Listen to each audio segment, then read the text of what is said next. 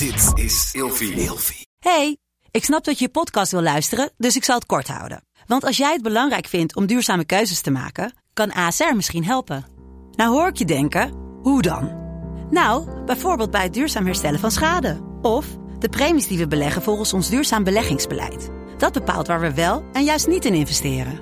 Wil je meer weten over welke duurzame keuzes ASR maakt? Ga dan naar asr.nl slash duurzame keuzes. ASR doet het. Zo, dan kan je nu lekker naar je podcast luisteren. Slapen jij en je partner al jaren in hetzelfde bed en wordt het tijd dat je de onderdelen van het bed moet vervangen? Dit is het perfecte moment om je gehele bed te vernieuwen. Je krijgt namelijk extra korting bovenop de lopende kortingen bij Emma Sleep met de code RELATIEVRAGEN in hoofdletters. Dus ga snel naar emmasleep.nl en bestel jouw bed.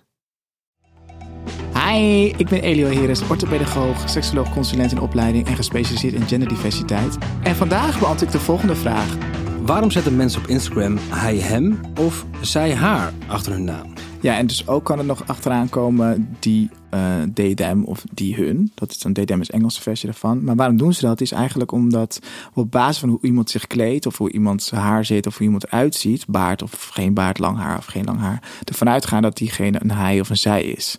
Maar er zijn natuurlijk ook mensen die zich niet investeren als een hij of zij, maar als non-binair. En die mensen krijgen dus meer ruimte om dat te kunnen aangeven als je dus zelf jezelf voorstelt met, nou, ik ben Elio Heres, ik ben hij. Je mag ook aanspreken met hij of dat je het in je profiel zet. Dus dan geef je eigenlijk de optie voor andere mensen die zich niet investeren in de binaire spectrum van hij, zij, dat ze dat kunnen aangeven. En daardoor wordt ook, denk ik, uh, het speelveld wat breder, leren we ook meer mee, om, mee omgaan. Want vaak zeggen mensen natuurlijk nog, vinden het moeilijk om diegene aan te spreken met die of hun, omdat het meervoud is. Maar als we dat vaker gaan zien op Instagram, maar mensen doen het ook op LinkedIn of via e-mail handtekening, ja, wordt het gemakkelijker, wordt het gebruikelijker om mensen zo aan te spreken. En is het voor mensen die zich non-binair voelen of identificeren makkelijk om dat te zeggen. Dus je zou eigenlijk zeggen, binaire persona, zet gewoon hij, hem achter je naam of zij, haar. Precies, en non-binaire personen zet alsjeblieft ook die of hun achter je naam. Dan wordt het gewoon gebruikelijker dat we nou, niet op basis van uiterlijke kenmerken bepalen hoe iemand zich voelt of identificeert. Met de code RELATIEVRAGEN in hoofdletters krijg je 10% korting bovenop de 50% korting die je nu krijgt op het bed dat ik bijvoorbeeld heb. Dus ga snel naar emmasleep.nl en bestel jouw bed.